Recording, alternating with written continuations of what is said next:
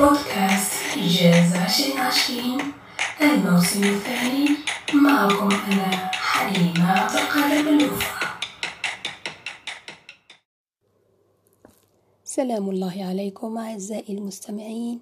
يسعدنا أن نلتقي مجددا في هذا البث الصوتي.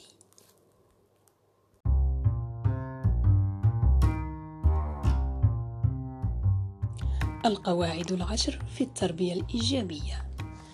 اقتطفت لكم هذه القواعد من دورة المرشد التربوي لمرحلة الطفولة والتي حضرتها العام الماضي كانت من تقديم المستشار سمير دهريب.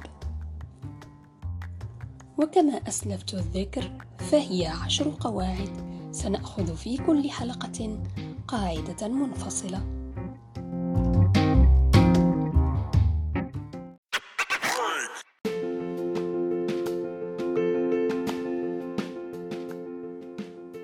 القاعدة الأولى. جاءت تحت عنوان أرحنا بالتربية.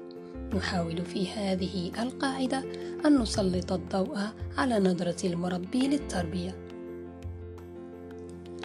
إنه مما لا يختلف فيه اثنان أن التربية واجبة على المربي من أب وأم أو من يقوم مقامهما. ولكن السؤال هو كيف ينبغي للمربي أن ينظر للتربية؟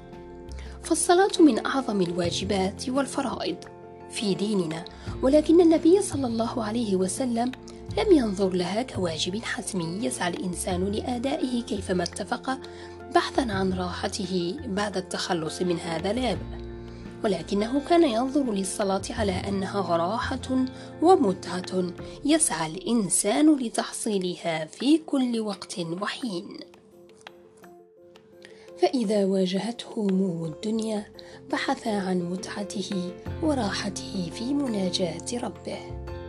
فيقول كما في الحديث الذي في مسند أحمد عن النبي عليه الصلاة والسلام أرحنا بها يا بلال ولما صرنا ننظر إليها كواجب صرنا نقول بلسان حالنا لا مقالنا أرحنا منها يا إمام إنها الطبيعة البشرية التي متى ما ارتبطت بالواجب ونظرت إليه كواجب استحضرت التكاسل والتثاقل والتفريط وعدم الإتقان.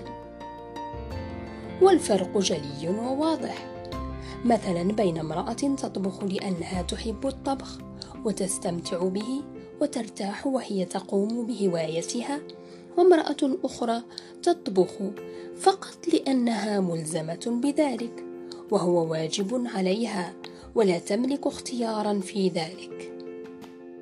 فلو استعملت كلا المرأتين نفس المواد ونفس الوصفة إلا أننا من دون شك سنتلذذ بما طبخته المرأة الأولى دون الثانية.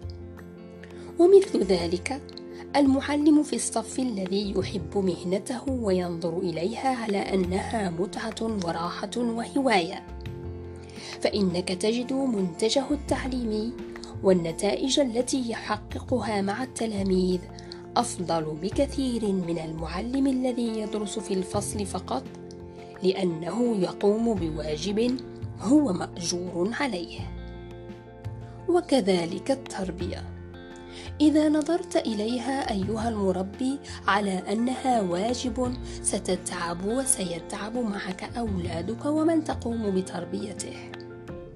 ستشعر بالتثاقل والتكاسل ستشعر بالنصب ستربي بقلق وتوتر. سيكبر ابنك جسديا وستنهار أنت جسديا. ونفسيا.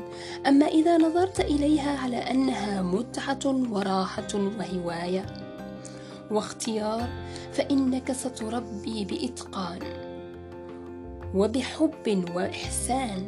سيكبر ابنك نفسيا وجسديا والحال نفسه بالنسبة لك. وخلاصة هذه القاعدة. بإمكانك أن تربي بطريقة أحسن وأجمل. بإمكانك أن تسعد بالتربية كما يسعد بها أبناؤك. وأول خطوة نحو ذلك هي أن تغير نظرتك للتربية وأن ترفع صوتك جهرا.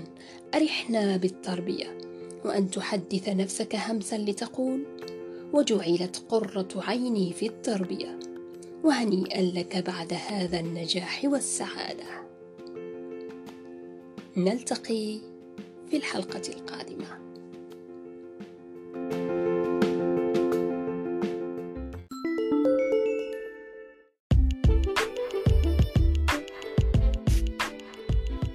على المودة نفترق وعلى الأمل نلتقي في رسالة جديدة. نستمع نستمتع نرتقي. إلى اللقاء.